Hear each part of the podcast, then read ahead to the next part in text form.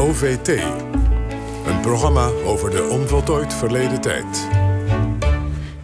Gaat u maar rustig slapen, zo sprak premier Colijn het Nederlandse volk toen, toe, toen Hitlers troepen het Rijnland bezetten. Het zinnetje zou kenmerkend zijn voor de vredige winterslaap waaruit ons land pas ontwaakte toen de Duitse laarzen onze grenzen overbanjerden.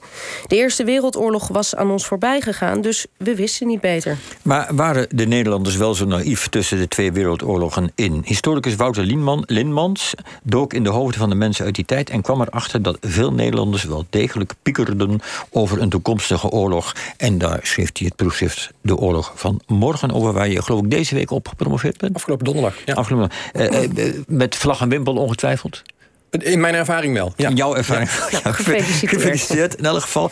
Ja, nou wordt die periode inderdaad vaak afgeschilderd als de meest duffe tijd die Nederland eh, achter de kiezen heeft. Eh, we waren onnozel, begrepen er niks van wat er ons boven het hoofd hing. Eh, oorlog zagen we niet aankomen. Ehm, hoe komen we toch aan dat beeld?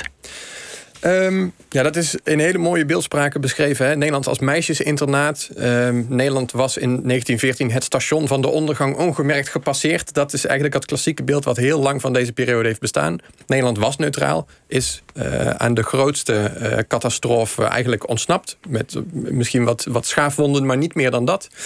Um, dat komt eigenlijk voort uit de geschiedschrijving van kort na de Tweede Wereldoorlog. Dus dan kom je al snel uit bij Lou de Jong, de grootvader van de, of de aartsvader eigenlijk van de geschiedschrijving van de Tweede Wereldoorlog in Nederland. En die keek met een soort vooringenomen blik terug op de jaren 20 en 30. Dat kwam door de, uh, de grote verrassing die mei 1940, dus de Duitse inval in Nederland, veroorzaakte. Um, zijn vraag was: waarom zijn we in slechts vijf dagen onder de voet gelopen? Um, niet omdat Duitsland nu zo'n grote overmacht was, maar omdat, dat was zijn conclusie, um, we niet goed voorbereid waren. Ja. Uh, je, had, je had geloof ik twee Nederlanders die wel wakker waren. Dat was Wilhelmina, de koningin, en generaal Winkelman. Ja. En verder was iedereen in slaap. Was iedereen onwetend. Ja. ja. Nu zeg jij, die Eerste Wereldoorlog die wij niet hebben meegemaakt, althans niet als deelnemend land, heeft toch grote invloed gehad op onze zielenroerselen. Vertel, eens, hoe, hoe pakte. Vertel. Nou, daar hebben historici de afgelopen jaren ook wel um, aan bijgedragen hoor, aan dat beeld. Dus uh, Paul Moeijers en Corné Christel onlangs nog um, lieten zien dat Nederlanders al tijdens de Eerste Wereldoorlog meeleefden met wat in het buitenland gebeurde, aan de hand van krantenverslagen en tijdschriften. Uh, wat ik in mijn boek laat zien is dat die beelden in de jaren 20 en 30 um, nog steeds aanwezig waren. Sterker nog, dat mensen in die periode, dus na de oorlog, eigenlijk pas echt gingen beseffen wat die oorlog inhield. Door alle verhalen die op dat moment vrijkwamen, door de beelden die uit het buitenland in Nederland aankwamen. Dus romans, films, maar ook verslagen in de dagbladen. Er werd veel over geschreven.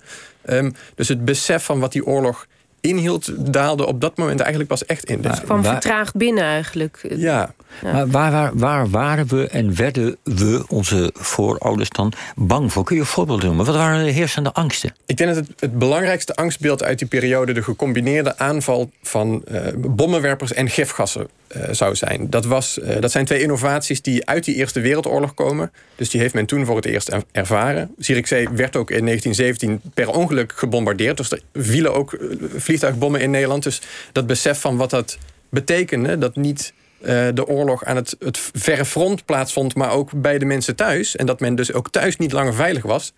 Dat besef komt in 1917 aan en dat zie je in de jaren 20 en 30 um, verder groeien. Uh, het mooiste voorbeeld wat ik dan graag aanhaal is de prent van Louis Ramakers uit 1929. Vertel. Um, Ramakers was in de Eerste Wereldoorlog al een bekende, internationaal bekende uh, Nederlandse tekenaar. Stond ook bekend om zijn gruwelijke en, en directe weergave van de oorlog. En in 1929 maakt hij een tekening voor de Telegraaf... waarin hij de heldendood der toekomst uh, verbeeldt. Zo noemt hij die prent. En we zien daarop een gezin dat um, eigenlijk een heel gruwelijke dood sterft... als gevolg van zo'n gasaanval. Dus ze zijn duidelijk in hun eigen huis. Ze hebben zelfs gasmaskers, maar die rukken ze verwoed van hun hoofd. Um, je ziet twee jonge meisjes op de grond liggen. Op de achtergrond ligt waarschijnlijk grootmoeder... Um, met van pijn verkrampte handen. Dus het is in een oogopslag duidelijk dat dit het toekomstbeeld is... Um, ja, dat kwam bij mensen binnen. En als ik dit print zie, komt dat ook bij mij nog steeds binnen. En je, je beschrijft ook de bijna psychotische angst voor wat men toen noemde de, de dodelijke straal. Ja, dat is voor ons nu natuurlijk um, heel duidelijk science fiction. Uh, maar op dat moment was dat nog niet eens zo'n heel vergezochte fantasie voor de toekomst. Uh, je moet je voorstellen dat net de radio uh, binnen handbereik kwam. Er werd steeds meer bekend over straling en over nou ook de toepassing van, van bijvoorbeeld straling in medische wetenschappen. En toen stond in 1924 een Britse wetenschapper op die zei: Ik heb een stralingsapparaat uitgevonden. En misschien belooft dat wel voor de toekomst dat we stralingswapens kunnen gaan maken. Het lijkt het meest op wat wij vandaag de dag als de magnetron kennen. Um, dus hij, het werkte ook op korte afstand. Hij kon er knaagdieren mee uh, doodstralen. Hij kon er buskruid van op korte afstand mee doen ontploffen. En de belofte die hij deed was... dan kunnen we over een tiental jaar... kunnen we zelfs vliegtuigen uit de lucht stralen... en hele legers en landstreken in één keer ontvolken en doodstralen. Ja, dit is wel iets om nerveus van te worden, toch? Zeker. En dat zie je ook in, die, uh, in 1924. Dat is echt een half jaar lang in het nieuws. Het is uh, een soort media-hype. Uh, de media versterken elkaar daar ook in. Um, op een gegeven moment wordt er ook duidelijk dat die grootste beloften niet waargemaakt kunnen worden. Um, maar je ziet dat dan wel nog in de jaren 20 en 30 voortdurend terugkomen in de bioscoop, in romans. Het is natuurlijk voor fictieschrijvers het ja, heel fascinerend. Uh, heerlijk onderwerp. Heerlijk, ja. Dus, dus nepnieuws, wat we nu nepnieuws noemen, speelde toen een grote rol eigenlijk al. De, de angst voor dingen die er niet zijn. En misschien heeft de media toen ook al wel een behoorlijke rol gespeeld. Uh, tegelijkertijd begint er op een gegeven moment de vredesbeweging op te komen. Veel mensen denken altijd de vredesbeweging is iets van de jaren 70, gebroken geweertje. Nee hoor, dat is dan. Uh, dat, wat, laat dat ook zien hoe, dat we eigenlijk bang zijn, want je begint niet zomaar een vredesbeweging. Nee, die vredesbeweging is zelfs ouder dan de Eerste Wereldoorlog nog. Uh, maar die groeit in de Eerste Wereldoorlog heel sterk en in de jaren 20 nog verder. Onder andere uh, nou, door dat soort angstbeelden van het gecombineerde lucht- en gifgasgevaar. Um, dat is wel voortdurend een kleine uh, minderheid in Nederland. Dus dat gaat dan over vele tienduizenden leden. Maar dat op een miljoenenbevolking blijft dat een kleine minderheid. Maar die zijn wel heel um, actief en heel vocaal ook. En wat zij proberen is um, uh, het oorlogsgevaar te vergroten. Dus zij schermen met het soort, nou, met het soort beelden wat ik net noemde van Louis Ruimakers. Dus de, de, het oorlogsgevaar uitvergroten, zo gruwelijk maken en zo groot dat eigenlijk de conclusie moet zijn in de toekomst, A, ontsnappen wij hier niet aan. En B, we kunnen hier ons ook niet tegen weren. Dus was de door hen voorgestelde oplossing, dan moeten we het leger maar afschaffen. Ja, nu heb jij dit allemaal onderzocht en je ziet vooral uh, in, in de pers, in de openbaarheid, angst uh, geëxposeerd worden, gebruikt worden. heb je ook het idee dat. Het is natuurlijk een heel ingewikkelde vraag en hoe kom je daar dan ook achter? Waren de gemiddelde Nederlanders ook bang? Hè? Als, als, als ze aan de koffie zaten, waren ze dan ook echt bang? Het is bijna een onmogelijke vraag om te beantwoorden... maar ik weet toch niet of je daar ideeën over hebt. Nou ja, angst is hier natuurlijk de crux. Hè? Want gaat het over angst of gaat het over vrees of bezorgdheid? Ik denk dat het toch vooral over dat laatste gaat. Een soort, ik noem het in het boek ook een soort sluimerende bezorgdheid... die in de jaren 20 en 30 voortdurend aanwezig is. Um, ook als je het vergelijkt met de angst die je wel ziet in juli 1914... als de, oorlog, de Eerste Wereldoorlog uitbreekt. En dat zie je ook in de meidagen in 1940 opnieuw. Dan is er echt sprake van acute angst. Maar Um, nou ja, de voortdurende aanwezigheid van dat soort oorlogsbeelden en, en toekomstfantasieën, um, dat zorgt denk ik meer voor bezorgdheid dan voor acute ja. angst. Laten we even ook luisteren, uh, want dat is natuurlijk toch de vraag: hoe gaat dan de overheid, de regering om met die bezorgdheid en die angst en vooral die bezorgdheid, zoals je zegt? Laten we even luisteren naar de toenmalige minister-president Hendrik Colijn in zijn nieuwsjaarse reden uit 1936, januari.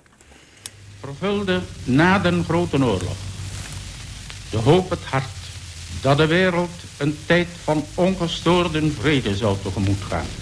Die hoop is niet in vervulling gegaan. Dit kan men intussen wel zeggen. Dat de kansen om buiten een groot Europees conflict te blijven... thans heel wat geringer schijnen dan in 1914 het geval was. Ja, hij zegt hier de kansen buiten een Europees conflict te blijven zijn veel kleiner dan in 1914. Maar hoe is die uitspraak dan te rijmen met de latere Colijn van 1936 van uh, met uh, uh, de radiooproep om rustig te gaan slapen als Duitsland het Rijnland bezet? Ja, dat is of is die misschien wel niet te rijmen? Um, nou nee, het past denk ik wel in de tijd. En het is een verhaal met twee kanten. Dus enerzijds um, um, heeft zes maanden hiervoor... heeft Colijn uh, het, de aanzet gegeven om, de leger, om het leger te versterken in Nederland. Dus hij trekt 53 miljoen gulden uit... om eindelijk het leger uh, nou, weer op peil te brengen. En er is lang op bezuinigd. Maar het is nu duidelijk dat de spanningen in Europa toenemen. Hitler is inmiddels aan de macht, slaat oorlogszuchtig taalgebruik uit. Hier moet iets aan veranderen en dan stemt hij dus in met het versterken van het leger. Dat is één. Anderzijds heeft hij uh, heel lang nog geloofd dat Duitsland geen aanval op Nederland zou voorbereiden. Um, en dat draait hij eigenlijk pas in het voorjaar van 1940 draait hij dat om. En dan zegt hij van ja, u kunt maar beter rekening houden met een oorlog. Als hij dan komt, dan valt het altijd mee.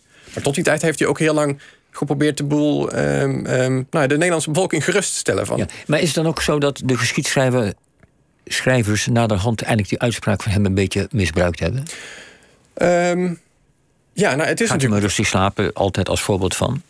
Het is natuurlijk een heel helder beeld en een heel mooi beeld ook. Um, ook als je de volledige, de volledige toespraak die hij geeft uh, erop naslaat, dan zie je ook dat hij zegt van ja, we moeten wel degelijk alert blijven en waakzaam en goed opletten wat er in het buitenland gebeurt. Dus hij kan ook nooit helemaal uitsluiten dat er niks komt. Waren we toch nog verrast toen de Duitsers wel binnen marcheerden? Sorry? Waren we nog verrast toen de Duitsers toch binnen marcheerden? Ja, zeker. En, en dat is volgens mij niet uit onwetendheid. Dus men wist wel degelijk dat er een oorlogsgevaar in de lucht hing. Um, maar zeker in die acht maanden daarvoor, dus op, in september 1939 begint de oorlog, maar dan zijn we nog neutraal.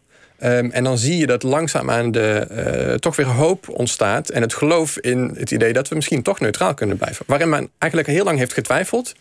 Um, de, de voorspellingen die men had en de verwachtingen en de beelden, die komen niet uit.